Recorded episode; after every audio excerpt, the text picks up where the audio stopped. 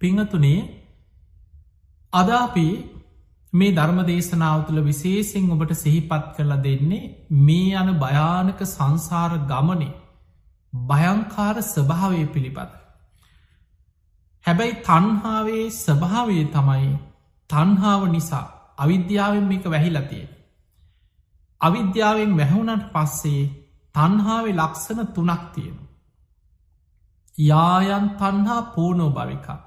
ඒ තන්හාාව නිසා පුනර් භවයක් හදල දෙෙන. නන්දිරාග සහගතා.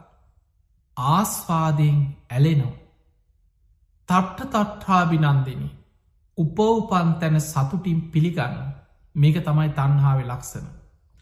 ඔබ මේ දේශනාව මුලින්ම මේ ලක්ෂණ තුන තේරුම් ගත්තොත් ඔබට එතනින් එහා මේ දේශනාවදී මේ තන්හාාවි ස්වභාවය ගලප ගන්න පුළුවන්.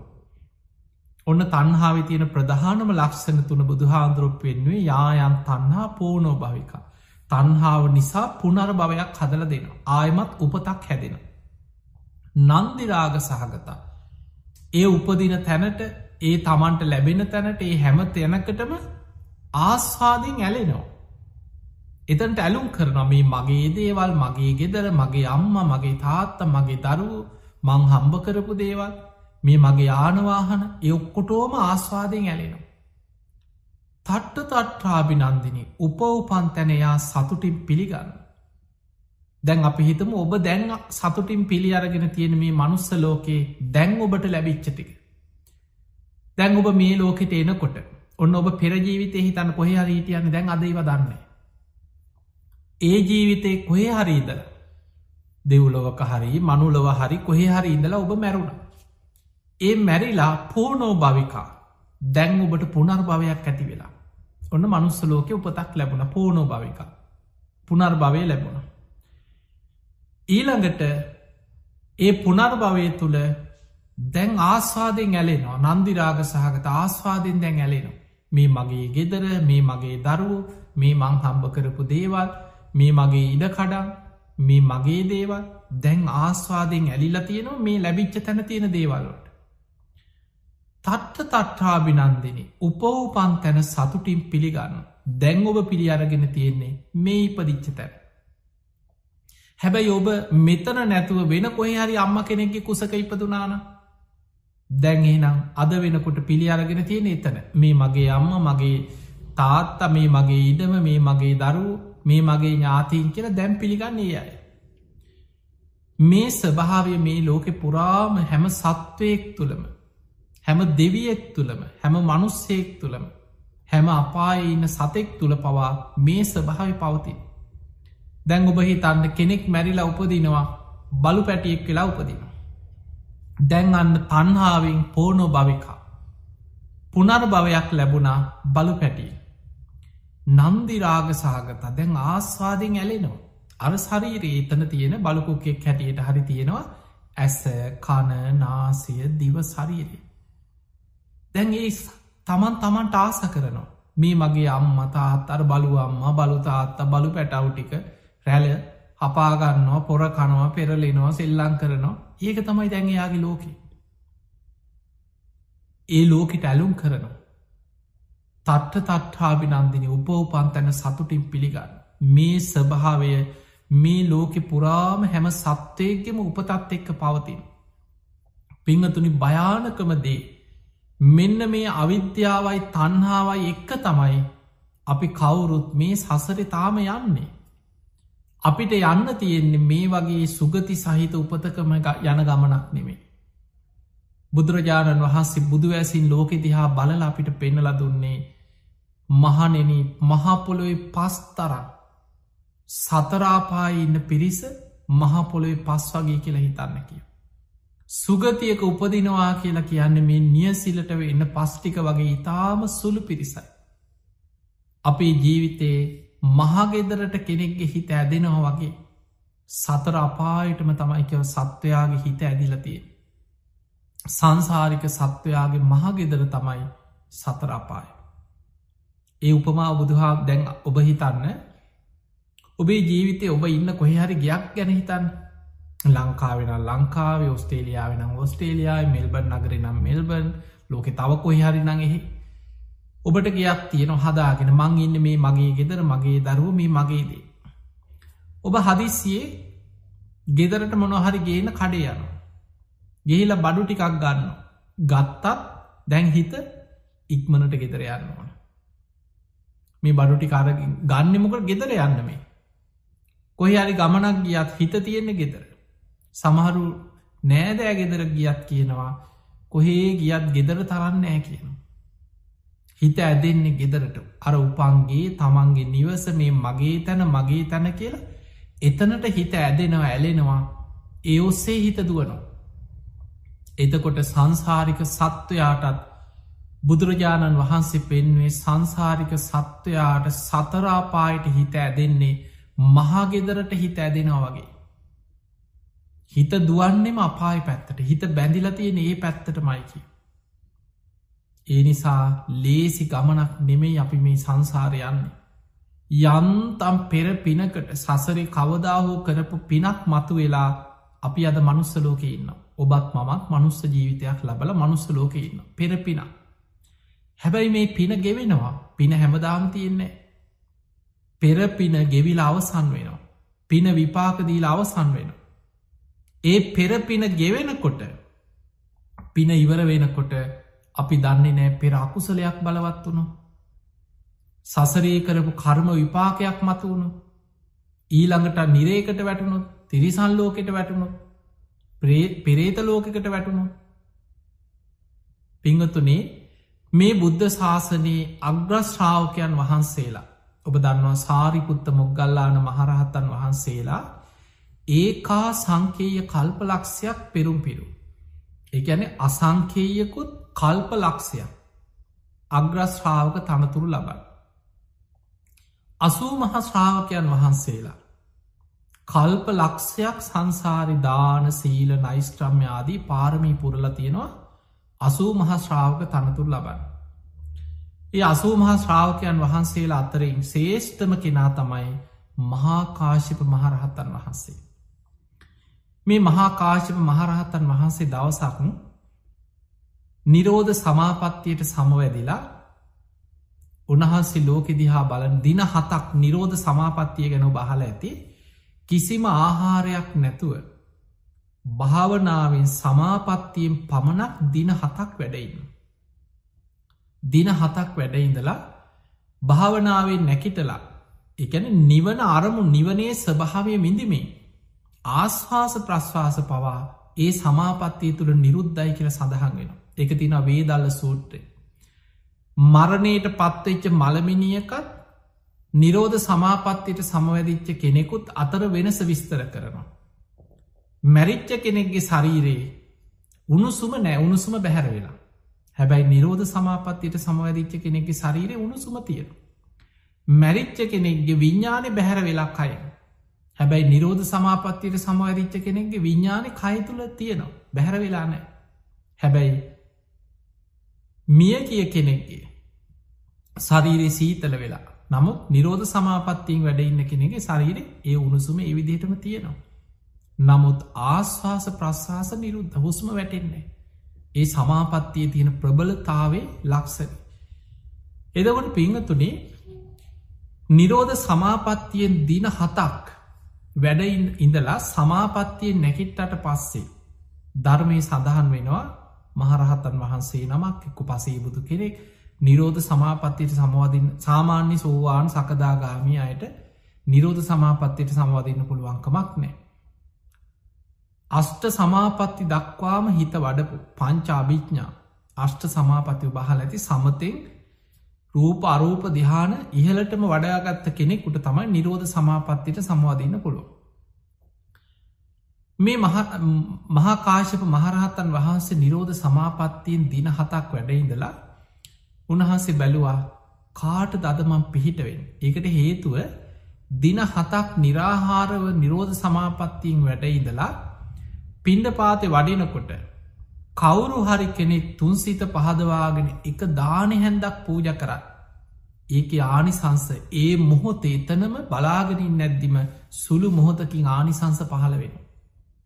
දිට්ට දම්ම වේදනීය දානය කානිසංසයක් ඒ මොහොතෙම ලබන්න නම් තියෙන ක්‍රමේ තමයි දිනහතක් නිරෝධ සමාපත්තියට සමවැදිලා සමාපත්තියෙන් නැකිටල ඉස්සල්ලාම පින්ඩ පාති වඩින ආරයන් වහන්සේ නමකට තුන්සිත පහදවා දං හැන්දක් පූජා කිරේ. ඒක විපාකයේ මොහොතෙම ලැබෙනවා. මහා කාශප මහරහතන් වහන්සේ දන්නවා දැන් සමාපත්තියෙන් නැකිටලා පින්ඩ පාතය යනකොට කවුද ඉස්සරලා දං හැන්දක් පෙදන්න. ඒක නාට මහා පිනක් ඒ මොහොතෙම පහළ වෙන. ඒ නිසාමන් දිලින් දෙකුට අද පිහිට වෙනවා කියලා උන්වහන්සේ භාවනාවෙන් දිවසිම් බැලුව භාවනාවෙන් නැකිටලා දිවසිම් බැලුව කාට දද පම් පිහිටවෙන්. පේසකාර ගමක් තින පේසකාර කියන රෙදිවියන මිනිස්සු ඉන්න බොහොම දුප්පත් ගමක් තියෙන.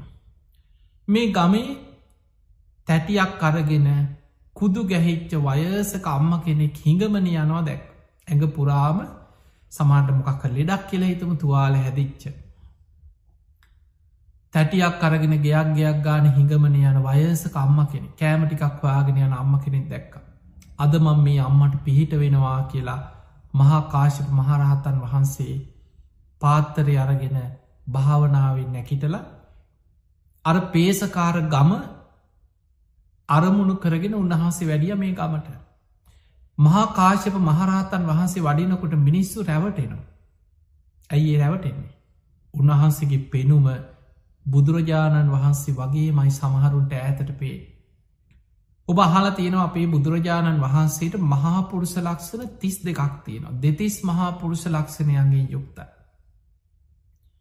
මහාකාශප මහරහතන් වහන්සේට මහාපුරුෂ ලක්ෂණ හතක් තිබුණ කියල ධර්මී තියෙන. ඒ නිසා සමහරය එක පාට රැවටෙනවා අන්න බුදු හාමුදුරු වඩිනවා කියලා මහාකාශ පහාදුරු දැකළ මිනිස්සු රැවටු. ඒ නිසා තමයි මහාකාශිප මහරහතන් වහන්සේ බොහෝ කාලයක් පිප්පලී ගුහාාවේ මහ වනාන්තරේ කැලේ උන්වහන්සේ හුද කලා වැඩහිටියේ මිනිස්සු බුදු හාමුදුරු බුදු හාදුරු කියලා උන්වහන්සේට රැවටෙන නිසා ඒක බුදු කෙනෙකුට අගෞරවයක් වෙනවා. එහෙම හිතපු උන්වහන්සේ මහ වනාන්තරයේ හිටියක් බොහෝ කාලයක්. තින්ද මහාකාශප මහරහතන් වහන්සේ වඩිනකොට අනේ දං හැන්දක් පූජා කරගම අන්න බුදුහාම සමහරක නෑඔය මහාකාශපයන් වහසේ බුදු හාමුදුරු වගේමයි. කාගෙන්වත් දානි පිළිගත්තෙන. දානි අරගෙනාවත් පාත්තරය අතින් වහගන්න. උන්වහන්සේ කාගෙන්වත් දාන පිළිගන්නේ. දැන් උන්වහන්සේගේ හිත තියෙන්නේ අර වයසක kudu ගැහි චම්ම කෙනෙකුට පිහිට වෙන්න මේ යන්න. ඒ අනකොට සක්‍ර දෙවියන්ගේ දිව්‍යාංගනාව පන්සීයක් දෙනා දැක්කා දූතාංග ධාරීගෙන් අග තැම්පත් මහාකාශප මහරහතන් වහන්සේ සමාපත්තියෙන් නැකිටලා පින්ඩ පාති වඩිනවා. අනේ අපිට මහා පිනක් රැස් කරගන්න පුළුවන් කියලා දිව්‍යාංගනාව දිවිය භෝජන අරගෙන. ඒ භෝජන තවත් භාජනයකින් වහගෙන පාර දෙපැත්ති පෙනී හිටියකෙන පන්සීයක් තිව්‍යාංගනාව දැම් මේ පින් කරගන්නාව. මහාකාශිප මහරහතන් වහන්සේ අර දිව්‍යාංගනාව දැන් දාන බෙදන්න සූදානන් වෙන පාර දෙපැත්තින්න පාත්තරේ වහගත්තා. වහගෙන අහනවා මේ තරන් දිවිය සැප සම්පත් නුබල ලබලා මේ තරන් සැප සම්පත් විඳිනකොට ඇයි මේ දුප්පතෙක්ගේ පින උදුරගන්නාවේ. ඒ වෙලාවේ අපටත් දෙවියන්වන් අපටත් පින වටිනවා කියල සාධකාරදීල ඒ දිව්‍යාංගනාව දාන බෙදාගන්න බැරි වුණ ඒ අය ගිය. දැම් මහාකාශප මහරහතන් වහන්සේ අර ගම්මාන කීපයක් අතරින් අර පේෂකාර ගමට වැඩිය. යනකොට මේ ගමේ උන්වහන්සේ වඩිනකොට දැක්කාර අම්මා ඈතින් දැක්ක. හැරමිටියක් අරගෙන වයසට ගිය කුදු ගැහිච් ඇඟ පුරාතුවාල හැදිච්ච.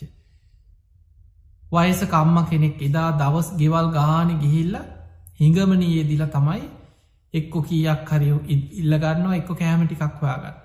සමහර ගෙවාලෝට ගිහිල වැඩ කරලා දෙන්න සමහරු නිකං කන්න දෙන්නෙත් නෑ පින් පව් දන්න මිනිස්සුනේ අනුකම්පාවෙන් දෙන්නේ. ඒ කාලේ නොේ බුදු හාදුරන්ගේ ශාවකය විතරල් ලෝක හිටිය නෙමේ සමහරු කියනවා කමන්නෑ කෑමටිකක් දෙන්න ඔය ගෙදර වැඩක් කරපං කිය. එක්කො මිදුලාතු ගාල කුස්සී වැඩක් කරලා ඔය ගස්ටිකක් හරි සුද්ද පවිට්ට කළ වත්තේ වැඩක් කරපන් එතකොට කන්න දෙන්නම් කිය. අනේ අර අම්ම බිම වැටීගෙන තනකොළ හරිගලවල වැඩක් කරලා තමයි කෑමටිකක් හොයාගන්න. මහා කාශප මහරහතන් වහන්සේ මේ අම්ම ළඟට පින්ඩ පාති වැඩම කරලා මේ අම්ම ඉදිරියේ මහාකාශප මහරහතන් වහන්සේ නතර වුණ. එදා ගෙවල් ගානි තැටියක් අරගෙන ගිහිල්ලා එක ගෙදරකින් මේ අම්මට ලුණු නැති කැඳ ටිකක් දීලා. එහෙමයි තියෙන් ලුණු නැති කැඳ එකක් කියලා. තමට ගෙදර මිනිස්සුන්ටත් බොන්න බැරි දෙයක් දුන්නවෙන්න පුළුව. බෝ සමහරු පිම්පව් දන්න ඇති සමහරු කාට හරි ඉගන්නෙකුට දෙන්නේ තමන්ට කන්න බැරි එක එක්ක විසි කරන එක. අනේ මේ අම්මට ලැබිලා තියෙන ලුණු නැති කැඳ එක. මේ අම්ම වාඩි වෙලා අර ලුණු නැති කැදේ අතට කරම් බලන්නකොට මෙන්න ආරයන් වහන්සේ නමත් තමන් ඉස්සරහ වැඩඉන්න. ඒ වෙලේ කල්පනා කරා මේ කැඳේක අද දවසට මට ලැබුණේ මෙච්චරයි. මේකම ලුණු නැති කැඳ ටිකක් මටත් අප්පිරියයි චුට්ටක් ඉස්සලා කටට ගත්තා මටත් අප්පිරියයි. මේ ආරයන් වහන්සේට කොහොමද මං මේ කැඳේක පූජ කරන්නේ කියලා හිතුව. සද්ධාව තියෙනවා දන් දෙන්න. දෙන්න හිතුන නමුත් ලුණු නැති කැඳේකට නිසානේ මං කොහොමද උන්වහන්සේට මේක පූජ කරන්න කියලා හිතලා කවුරු හරි ඇවිල්ල මේ වෙලාව උන්වහන්සේගේ පාත්‍රයට දාන ටිකක් බෙදනවනං කියල වටපිට බලනකොට ඔන්න ළඟ අහල පහල ගෙවල්ලොල මිනිස්සු දැකල ඇතින් ඉක්මනට භාජන අරගෙන දුවගෙනනවා. මහා කාශප මහ අර අම්ම හිතු අනේ ලොකු දෙයක් මමත් ඒපින අනුමෝදං වෙනවාකි. ඒ මිනිස්ව ඇවිල්ල දානි බෙදන්න හදනකොටම මහා කාශප මහරහතන් වහන්සේ පාත්තරය අතින් වැැහවා දානි භාරගත්තෑන්. එදකොට මේ අම්මට හිතුනා උන්වහන්සේ කාගෙන්වත් දානි මේ ප්‍රනීත දානයක් භාර නොගෙන මගේ ඉදිරියේ වැඩඉන්නේ මට පිහිට වෙන්න මයි ළඟට ගිහිල් අමාරුවෙන් ඇවිදගෙන ළඟට ගිහිල් අර භාජනය පෙන්වා ස්වාමීනි අද දවසටම මට ලැබුණේ මේ කැඳටික විතරයි. ඔබහන්සේ කැමතිනම් මං මේක ඔබහන්සේට සද්ධාවින් පූජා කරන්නකි. මහාකාශ මහරහතන් වහන්සේ පාත්තරයේ විවෘත්ත කරලා පාත්තරය ඇරයා කැඳටික පූජ කරන්න. අර අම්මා පුද්දුම සතුටකින් අර කැඳටික මහා කාශප මහරහතන් වහන්සේගේ පාත්තරයට පූජ කරලා දනගහල වන්දනා කර. අන්න එතකොට මහාකාශප මහරහතන් වහන්සේ කියනවා මෑනියනේ. ඔබ මීට ආත්ම තුනකට පෙර මගේ අම්මා කියව. ඔන්න සංසාරි භයානක්ක. මහා කාශිප මහරහතන් වහන්සේ අර දිවසින් දැක්කේ ආත්ම තුනකට කලින් උන්වහන්සේගේ අම්මයි. බලන්න මේ සසරේ කල්ප ලක්ෂයක් පාරමී පුරාගෙන නැවිල් අපේ ගෞතම බුද්ධ ශාසනයේ දූතාංග ධාරීන්ගෙන් අග තැම්පත්. මේ බුද්ධ ශාසනයේ තතිය ශ්‍රාවකයන් වහන්සේ.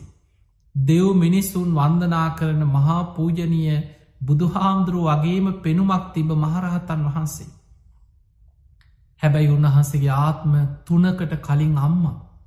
ඒ වෙනකොට නගරේ ඒ නගරේ මායමත් ඉපදිලා වයසට ගිය ඇඟපුරා කුෂ්ට හැදිච්ච කුදු ගැහිච්ච හිඟමන යන බොහොම අසර නම්ම කෙනෙ. ඒ අම්මගේ ආත්ම තුනකට කලින් පුතාවෙච්ච කෙනා සියලු කෙලෙසුන්ගේ මිදිච්ච දෙව් මිනිසුන්ගේ වන්දනා ලබන උතුම් මහරහතන් වහන්සේ නමක්කෙද. ඔන්න සංසාරි හැටි. සමහර වෙලාවට පෙර සසර අපේ අම්ම ලවිච්චයි. අද කොහේ කොහේ ඇද්ද කියලා හිතන් ඒක තමයි මේ සංසාර ගමනි ස්වභාව. ඔය වගේ ධර්මය සඳහන් වෙනවා ඔබ දන්නවා සාරිපුත්ත මහරහත්තන් වහන්සේ. මේ බුද්ධ ශාසනයේ ධර්ම සේනාධිපතින් වහන්සේ. ප්‍රඥාවන්තයන්ගෙන් අග්‍රම කෙනා. මේ සාරිපුත්ත මහරහතන් වහන්සේ දවසක් පිණ්ඩ පාතය වඩිනකොට පඳුරක් අස්සේ ඉඳම්. මුළු ඇගේම මස් කඩා හැලෙන විශාල දුරුගන්ධයක් හමන විරූපී ප්‍රේතියක් පෙනී හිටිය. මේ ප්‍රේතිය පෙනී ඉන්නකොට මුළු ඇගෙන්ම දුගදක් හමනු. සාරිපුත්ත හාන්දුරුව බැලුවා ඇගේ මස් කඩා හැලෙනු. ඇඳුමක් වස්ත්‍රයක් නැති ඇට සැකිල්ලක් වගේ විරූපී ප්‍රේතියක්. මෙහෙමත් සසර කරපු කර්ම ගෙවන අමනුස්සයෝ වෙලා දුක්විඳිනයි ඉන්නවනේ කියල අනුකම්පාවෙන් ඒ දිහා බැලුව. උන්හස පින්ඩ පාති වඩින්න උන්හස වඩින ගමන ගියා. පියවර කීපයක් උන්වහසේ වඩිනකොට අර ප්‍රේති ඇහෙන්න කියනවා අනේ ස්වාමීනි අහක බලං යන්න එපා. මං ඔබහන්සේගේ ආත්ම පහකට කලින් අම්ම කියෝ. දැ බලන්න කලින් මහාකාශ පහන්දුරන්ගේ ආත්ම තුනකට කලින් අම්මයි නගර හිඟාකමින් තැටියක් අරගෙනේ හිටි. සාරිපුත්ත හාන්දුරන්ගේ ආත්ම පහකට පෙර අම්ම වෙච්ච කෙනා උන්වහන්සේ පින්ඩ පාතය වඩින්නකොට ඒ පාරක් අයින පෙරේතියක් වෙලා ඇගේ මස් කඩා හැලෙන සාපිපාසාාවෙන් දුක්විදින ප්‍රේතියක් සාරිපුත්ත හාන්දුරුන් අතර වෙලා බැලුව ඇත්තද මේ ප්‍රේතිය කියන කතාව ඇත්තද කියලා උන්හන්සේ දිවසිම් බැලුව බලනකොට දැක්ක ඇත්ත.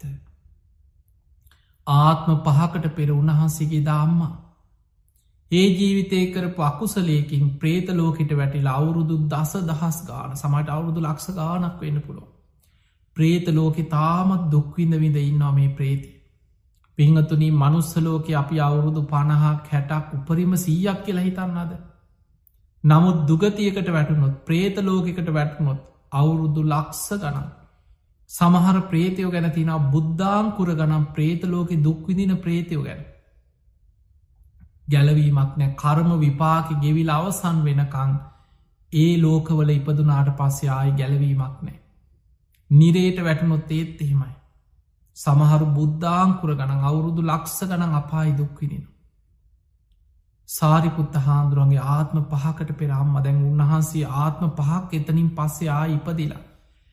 රූපසාරී බැමිණියගේ දරුවෙක් හැටියට ඒ ජීවිතේ උපතිස්ස ඉපදිලා ගාථාව පද දෙක ඇහෙනකොටම සෝවාන් පලට පත් වුණ. අපේ බුද්ධ ශාසනයේ බුදු හාමුදුරුවන්ගේ ධර්ම සේනාධිපති බුදුරජාණන් වහන්සේගේ ධර්ම චක්‍රය ඒ විදිහටම පවත්වන්න පුළුවන් භික්‍ෂූන් වහන්සේ අතරින් සාරිපුත්තයන් වහන්සේ තමයි අග්‍රම කෙනා. සාරිපුත්ත හාන්දුරුවන්ට අනුකම්පාවක් ඇති වුණා බලන්න සාරිපුත්ත හාන්දුරු අහනුවය වෙලේ ප්‍රේතිය. නුඹ මගේ මොනවද බලාපොරොත්තු වෙන්නේ. අනේ සාමීනී සා පිපාසාාවෙන් මගේ ඇඟම දනව කියෝ. මට අනුකම්පා කරන්න කෙනෙක් නෑ මාව සිහි කල්ල පින් අනුමෝදන් කරන්න කෙනෙක් නෑ මං බොහෝ කාලයක් මේ ප්‍රේත ලෝකෙ දුක්විදිනවා. අන්න එතනදි සාරිපුත්ත හාන්දුර හන ප්‍රේතිය නුඹ මෙපමණ කාලයක් කුසගිනි දැනෙනකොට කුසගින්න නිවාගත්තෙ කොහොමද කියලා. අන්න එතකොට මේ ප්‍රේතිය කියනො සාමීනී මං යුදුම් ගනන් ආහාර හොයාගෙන දුවනෝ. සාපිපාසාවට යනෝ මං යනකොට සමහරලාවට ආහාර ඉතර නෑ මට කුසගින්න නිවාගන්න ලැබෙන්නේ මලකුණක ඕජා උරාබොනකොට යන්තන් කුසගින්න නිවෙනවා.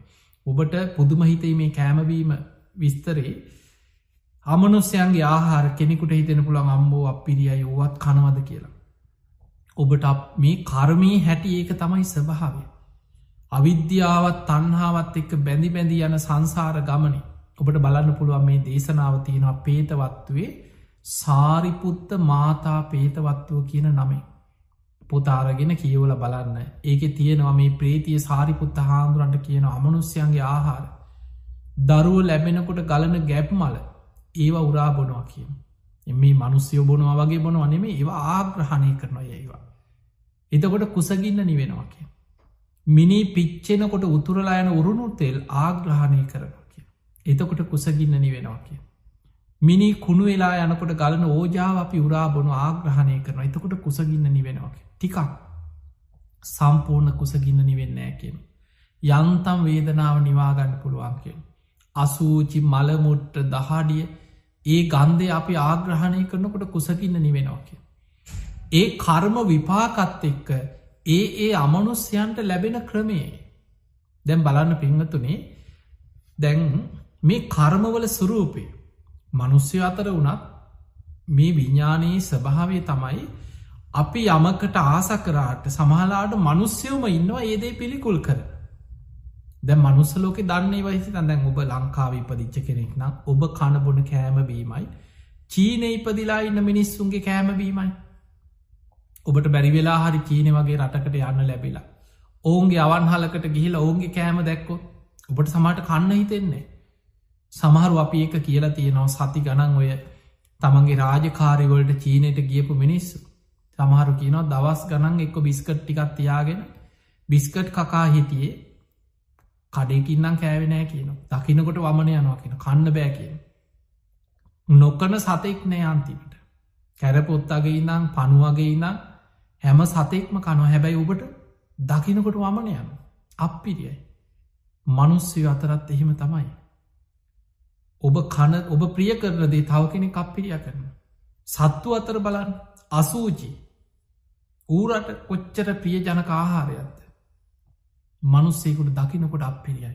ඒක තමයි ස්භාව අමනුස්යොත්තේ වගේ කරම විපාකවලට ඒ ඒ අයට කුසගින්න නිවාගන්න අපි පිළිකුල් කරත් ඔවුන්ගේ කුසගින්න නිවෙන්නේ ඒකි. තිං අනේ සාරිපුත්ත මහරහතන් වහන්සේදා මේ ප්‍රේතියට අනුකම්පා කරලා එදා උන්වහන්සේ පාත්තරී පිරෙනකම් පින්ඩ පාති කර. වෙනද තමන්ට දාන ටික ලැබුණ හම දානය වලඳන. එදා පාත්තරයේ පිරෙන්න්නම පින්ඩ පාති කරගෙන සාරිපුත්ත මහරහතන් වහන්සේ ආරාමයට වැඩම කරලා ස්වාමීන් වහන්සේලාට කතා කරලා කියන ආයිශ්මතුනේ අද ඔබවහන්සේලාට මම පින්ඩ පාති කරගෙනාව.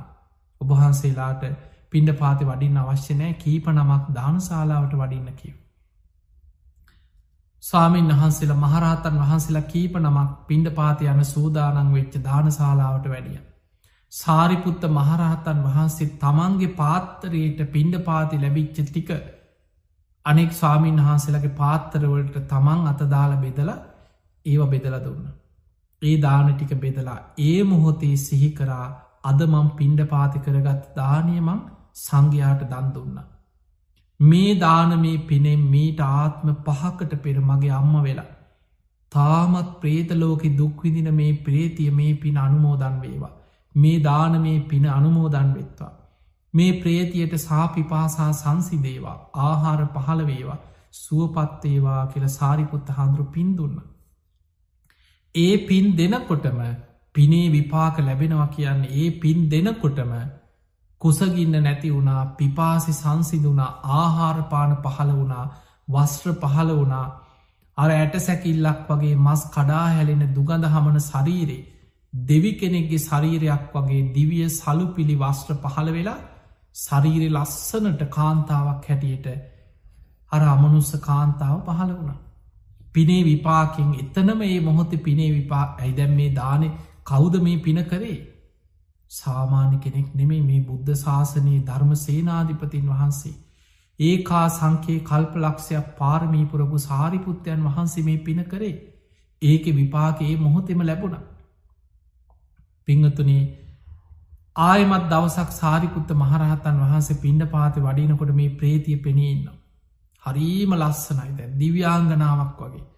පෙනීඉදල සාරිපුත්ත හාදුනට වන්දනා කරලා කියන ස්වාමීනී ඔබහන්සේට දැම්මාව අඳුන ගන්නත් බැරිව ඇති. මම ඔබහන්සේගේ ආත්ම පහකට පෙරම්ම.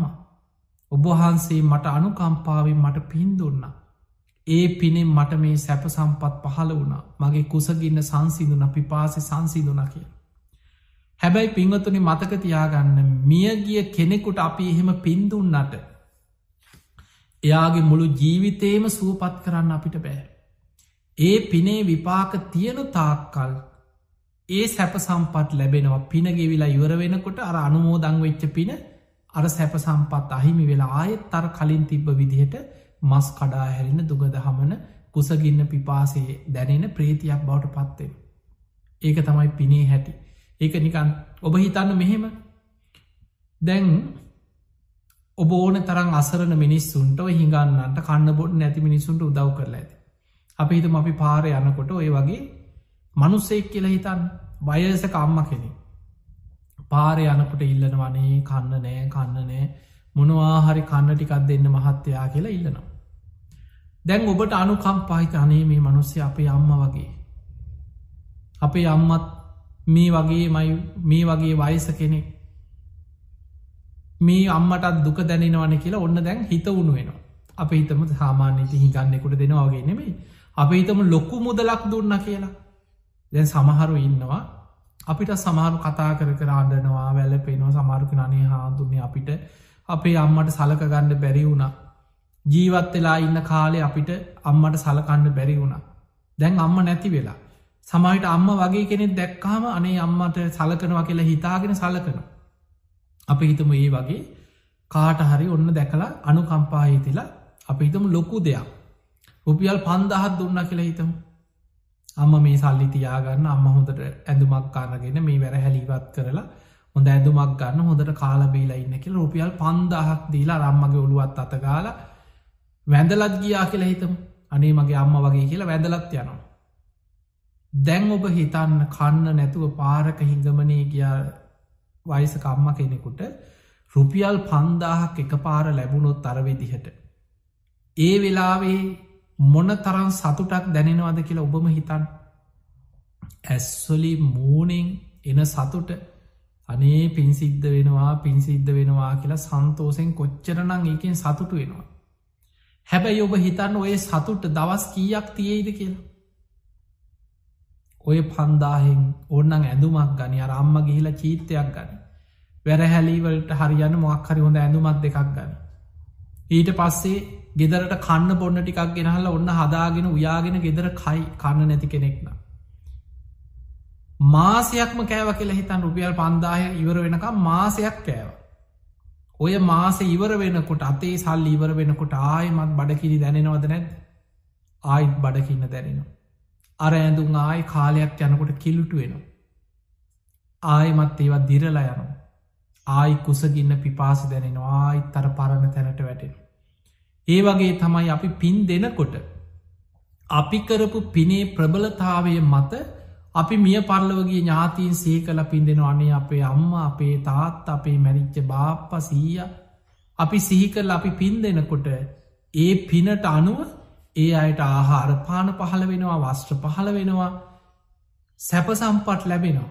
හැබැයි ඒවා තියෙන්නේ අර පිනේ විපාක තියෙන තාක්කල්.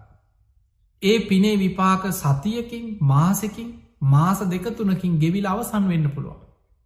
ඒ පිනේ විපාක අවසන් වෙනකොට ආයමත් සාපිපාසි දැනෙනවා. කුසගින්න දැනෙනවා. ආයමත් අර පහළ වෙච්ච වස්්‍ර අතුරු දහන් වෙනවා. ආයිත් අර දුක විදින ඕක තමයි අමනුස්්‍යයන්ගි ස්භාව. ඒ නිසා පිංහතුනි අපිට පේනොද මේ දේශනා කීපේ මං ගලපල ගත්තේ. සසර ගමනි භයානකකම තේරුම් ගන්න.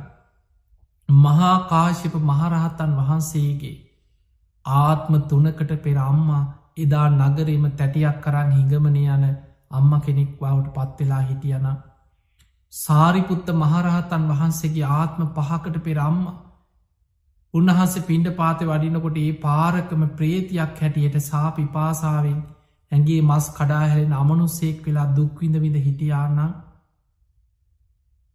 ඔබ හිතන්න අපේ ජීවිතවල සංසාර ගමනේ අපේ අම්මවරු වෙච්චයි අපේ පියවරු වෙච්චයි අපේ සංසාරි සහෝදරයෝ ඥාතීන් දරුව ස්වාමිවරු බිරින්දෑවරු වෙච්චයි සසරි කොහෙ කොහෙ ඇද්ද මේ භයාන සමහන්ට ඔබේ පිඟානෙම.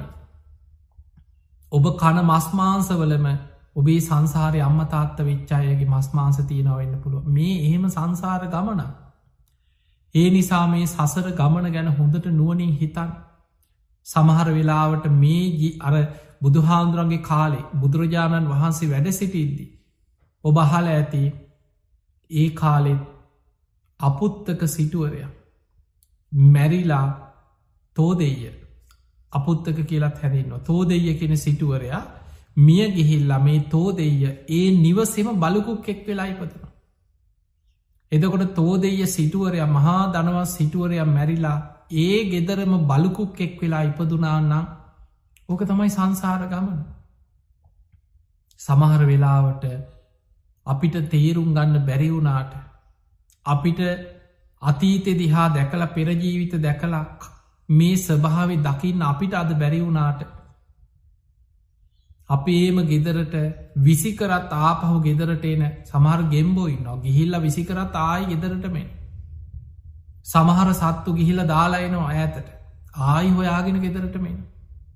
සමහර සරපයෝ ඉන්න ඒ ගෙදරමයි කැරකෙන්. මේ මේ ජීවිතවල සංසාර ගමන ස්භාවය මහා භයානක සසර ගමන. ඒ නිසා පින්වතුනි අප්‍රමාදීව ධර්මය දියුණු කරන්න මහන්සියක් ගන්න. භයානක සසර ගමනක් බුදු හාමුදුරු පෙන්වා සමහර අපේ පවුලෙ පස් දෙනෙක් කියල හිතන් ඒ පස් දෙනා යන්නේ පස් ආකාර සංසාර ගමන. ගබ්බ මේකේ උපපජ්ජන්ති කෙනෙක් මවකුසක උපදිනවා. නිරයම් පාපකම්මින අපේ පවුලෙම පව්කරගත්තායි මරණින් මත්තේ නිරේකට වැටෙන අපායි වැටෙනවා. සග්ගන් සුගති නොයන්ති සද්ධහා සීල සුතතියාග ප්‍රඥා වඩාගත්තයි සුගතිය. ඒ අයි මරණින් මතය සුගතියන. පරිනිබ්බන්ති අනාසවක් රහතන් වහන්සේලා විතරක් පිරිනිවන් පනෝක තමයි ජීවිතය ස්භාව. අපේ යාලු මිට්‍රයෝ සීයක් ඉන්නවා කියෙන අපිට හොඳට නෑදෑයෝ යාලු සීයක් විතර අපිට ඉන්න. ඒ සිය දෙනා ආයමත් ඊළඟ ජීවිතේ තර විදිහට මහම්බෙන වනෙමේ. අපි නිකන් කියනකොට කිනවනේ ඔය ආයිත් අපේ අම්ම වෙන්න ඕන. අනේ මේ මගේ තාත්තමට ආයිත් සංසාරි තාත්ත වෙන්න ඕන. මේ අයි මගේ ආයිත් දරුව වෙන්න ඕන. ඒවා වච්චන ඒවා අහිංසක ප්‍රාර්ථනාව හැබැයි සංසාර ගමන හරිම භයානකයි. පවුලේ දහ දෙනෙක් යනෙ දහක් සමහරලාට එක්කෙනෙ දෙන්නේ පෙරේතිව වෙලා පින් ඉල්ලගෙන පස්සෙන් එනවා. සමහර වෙලාවට ඒ ගෙතරම බල්ලෙක් පූසෙක් වෙලා උපදින්න පුළුවන් තවමිය ගියයි. දැම් බලන්න අර කාලි යක්ෂණගේ කතාව ඒ සිදුවීන් වල තියෙන්නේ. ඒ දරුවා බුදු හාමුදුරු පහළ වෙන්න බොහෝ කාලෙකට පෙර ගෙදරට ගෙනාපු කිකිලිගේ බිත්තර කාලා ඒ කිකිලි වයිට බැන්න. ඒ දරුව මිය ගිහිල්ල ඒ ගෙදරම කිකිලියක් වෙලා ඉපදන. ඒ කිකිලි මැරිලා ඒ ගෙදරම පූසියක් වෙලා ඉපදන. අර පූසියායමත් අර කිකිලි දාන දාන බිත්තරේක දැම් බලන්න කලින් ජීවිතයේ කර්ම විපාක ඊළඟ ජීවිතයට කැරකිච්ච හැට. ඊට පස්සේ ඒ පූසි මැරිලා මුව දෙනක් වෙලා උපදින. තුංගනි ආත්මට එනකොට ඒ කිකිලි කොටි දෙනක් වෙලා උපදින. මුව දෙන දාන දාන බිත්තර අර පැටව් මුව දෙන පැටව් දානකොට කොටි දෙන ඇවිල පැටව් කාලයන. බිත්තර කෑව ඊළඟ ජීවිතෙත් ඉපදිලා බිත්තර කෑව ඊළඟ ජීවිතය ඉපදිලා පැටව් කනවා සසරි දිගට දිගට ආත්ම පන්සීයක් කොහොම වෛරයක් ආව කිය. එදකොට බලන්න සමහරු ආසාාව නිසා දේපලවලට ඉඩංවලට ආසාාවෙන් මැරිලා ඒවා හොයාගෙනෙනවා. සමහලාට ගෙම්බෙක් වෙලා සතෙක් වෙලා අමනුස්සෙක් වෙලා ඉඩ කඩන්වට ආසාාවෙන් නොහොයාගෙන. සමහරු වෛරෙන් මැරිලා පලිගන්න එනවා ඒ අය හොයාගෙනෙනවා. දුගතීපද මේක තමයි සංසාර ගමන භයානක්කම. ඒ නිසා මේ භයානකකම තේරුම් ගත්ත කෙනා ආයායමත් ඉපදීපදි මේක යන්න නෙමේ කල්පනා කරන්න. බුදුරජාණන් වහන්සේ පෙන්වා මහනෙන මේ සසර ගමන භයානකකම. බුදු කෙනෙක් තරම් මේ ලෝකෙ මිනිස්සුන්ට වැටහෙනවන්නම් බුදුරජාණන් වහන්සේ ලෝකෙ දිහා දකින විදිහට මේ ලෝකෙ මිනිස්සු දකිනවන. හිස ගිනි ගත්ත කෙනෙක් ගින්න නිවන්න මහන්සී නොවගේ. ආයුදයකින් පහරක්කාප කෙනෙක් තුවාලයක් සනීප කරගන්න වෙහෙසෙනාවගේ. මොන කරදර මොන දේවල් මොනවා තිබුණත් ඒ සියල්ල පැත්තක දාලා ධර්මය අවබෝධ කරන්න වීරිය ගන්න. ධර්මාවබෝධයට මහන්සි ගන්න. බුදුරජාණන් වහන්සේ දවසක් එක ස්වාමීන් වහන්සේ නමකට විස්තර කරනවා භික්‍ෂුව අසූචි ගොඩක් තිබ්බත් ගඳයි චුට්ටක් තිබ්බත් ගඳයි. ඒ නිසා ඉපදීම දුකයි කියපු බුදුරජාණන් වහන්සේ එක ඉපදීමක්කත් වර්ණා කරන්නෑ කිය. මහනෙන අප්‍රමාදීව ධර්මය අවබෝධ කරලා මේ ලෝකෙන් මිදන්න මහන්සි ගන්න දෙව්ලෝවත් බඹලෝවත් ඒකත් දුකක් ඉපදීම දුකක්මයි. හැබැයි නිවන් දකිනකං සතරාපායි වැටෙන් නැතුව බේරෙන්න්න තියෙන තැන තමයි සුගතිය. කෙනෙක් මනුස්සලෝක හරි දිව්‍යලෝක කාරි ඉපදුනා කියන්නේ යාට ධර්මය අවබෝධ කරගන්න පහසුයි. හැබැයි ඉපදීම දුකක්. ඒක තේරුම් ගත්ත කෙනා තමයි ධර්මය අවබෝධ කරගෙන මේ සසර ගමනින් මිදන්න මහන්සිගන්න. ඒ පිණිස උත්සාහ කරන්න ඒ පිණිස වීරිය වඩ හැම වෙලාම හිතන්න අපේ පවුලේ දහ දෙනෙක් කියන්නේ කවදාව මළගෙවල් දහය. ඒ ඒ අය අපි කැමති වුණත් අකමැති වුණත් තම තමන් රැස් කරගත්ත කරම දායාද කරගෙන යන ගමන. ඒ ඒ අය වපුරපු දේවල් ඒ අය නිලාගන්න. ඔබ වපුරපු දේ ඔබ නිලාගන්න. මම වපුරණදේ සසරි මන් නිලාගන්න. කම්මස්ස කෝමිහි කර්මය ස්වකීය කරගෙන. කම්ම දායාදු කර්මය දෑවැද්ද කරගෙන. කම්ම පටිසරණො කර්මය පිළිසරණ කරගෙන. කම්ම බන්දු කරමීම ඥාතියා කරගෙන. තම තමන් වපුරණදේ තමම්ම අස්වැන්න හැටියට නිලාගෙන යන සංසාර ගමන. එනිසා පුළුවන් තරම් පින් කරන්න කුසල් වඩන්න. හැම බුදු කෙනෙක්ගේම බුද්ධ වචනය ජීවිතයට ගලපගන්න. ඒ ගලපගෙන බලන්න හැම බුදු කෙනෙක්ම පහළ වෙලා අපිට පෙන්ලා දෙන්නේ සබ්බ පාපස්සා කරන. සියලු පාපි යකුසල කර්මවලින් බලකින්. කුසලස් උපසම්පදා පුළුවන් තරන් කුසල් වඩා. සචිත්ත පරියෝධපන තමන්ගේ හිත දමනය කරගන්න. ඒ තම් බුද්ධානු ශාසන මේක තමයි බුදුරුන්ගේ අනුශාසන. ඒ තුළ පිහිල් අඩුම ගානය ඔබ දවසේ ඔබ දවස මෙහෙම සැලසුම් කරගන්න ඔබ උදේ පාන්දර නැකිටපු ගමන් කෙටියෙන් හරි බුදුගුණ සිහි කළ බුදුන් අදේ සමහට රස්සාාවට යන්න වැඩට යන්න ගොඩක් වෙලාගන්න බැරිවෙන්න පුළුවන් හැබැයි අඩුම ගාන විනාඩි පහක් දහයක් හරි වෙන් කරලා බුදුගුණ සිහි කළ තුනුරුවන්ට ජීවිතය පූජ කළ බුදුන් අදෙන උදේ පාන්ද. මෝර පිරිතේ තියෙන ආරක්ෂිත ගාථා දෙක කරීම බලගත්.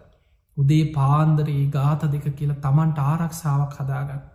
බුදුරු සිහි කරලා උදේ පාන්දර වන්දනා කරලා දවස පුරා තමන්ගේ සීල ගැන සිහියෙන්ගින්. අද දවසෙමං මගේ සීලයට හානියක් වෙන්න ඉඩ දෙන්නේ. අද දවස තුළ මන් සද්ධහා සීල සුතතියාග ප්‍රඥා දියුණු කරගන්න. ඒ අධිෂ්ඨානෙන් දවස ගත කර. වාහන යනකොට වෙන්න පුළුවන් යනන වෙලාවට විවේකයක් ලැබුණා බණක් අහගෙනය. බණපොතක් කියවන ලැබුණොත් කියවන්. වාඩි වෙලා භාවනා කරන්න ලැබුණොත් වාහනක හරි කමක් නෑ. පාඩුවේ වටපිට බලබලයන්න ඇතුව ඇස් දෙක පියාගෙන බුදුගුණ සිහි කරන්න. අනිත්‍යම නෙහි කරන්න. මරණ සතිය වඩන්න ධර්මාවබෝධයට හිත යොමු කරලා යෝනිසෝ මනසිකාරයකේ දෙන්න. දවසකට එක බනත් දෙකක් අහන්න හිත පුරුදු කරගන්න. ගෙදරාවට පස්සේ විවාවෙච්ච කෙනෙක් නම් ස්වාමිය බිරිද එක්ක දරුවෝ එක්ක ඒ අතර තුර ජීවිතයේ හැමෝම එකතු කරගෙන ගෙදර බුදුන් අඳන පරිසරයක් හදාගන්න. දවසකට සැරයක් හරි බනක් අහන්න හැමෝම එක්. නිදාගන්න ගිහිල් හරි මෛත්‍රී භාවනා වඩල බුදුන් ඇදල දරුවෙක් බුදුන් අදින්න පුරුද්දක් ගෙවල්ල ඇති කරගන්න. ඔබේ ජීවිතය ඔය විදියට පියවරෙන් පියවර ධර්මී පැත්තට හදාගත්තු. ඔබටම තේරේ ජීවිතයේ ධර්මාවබෝධයට ජීවිතය සකස් වෙන හැටි. ඒ නිසා ගෙවෙන හැම දවසක්ම හැම පැයක්ම හැම තප්පරයක්ම අපි මරණයට ලංවෙනවා. කවදක් ඔත්තන කොයි මොහොතේ අපේ හුස්මටික අයිද අපි කවුරුත් දන්නේ. ඒ නිසා අප්‍රමාදීවෙන් ඔබ හැම දෙනාටම අප්‍රමාදීව සද්ධහාදී ගුණ ධර්ම දියුණු කරගෙන කුසල් දියුණු කරගෙන උතුම් ධර්මී මවබෝධ කරගන්න වාසනාව ලැබේවා ලැබේවා ලැබේවා කියලපි ආශිර්වාද කරනවා.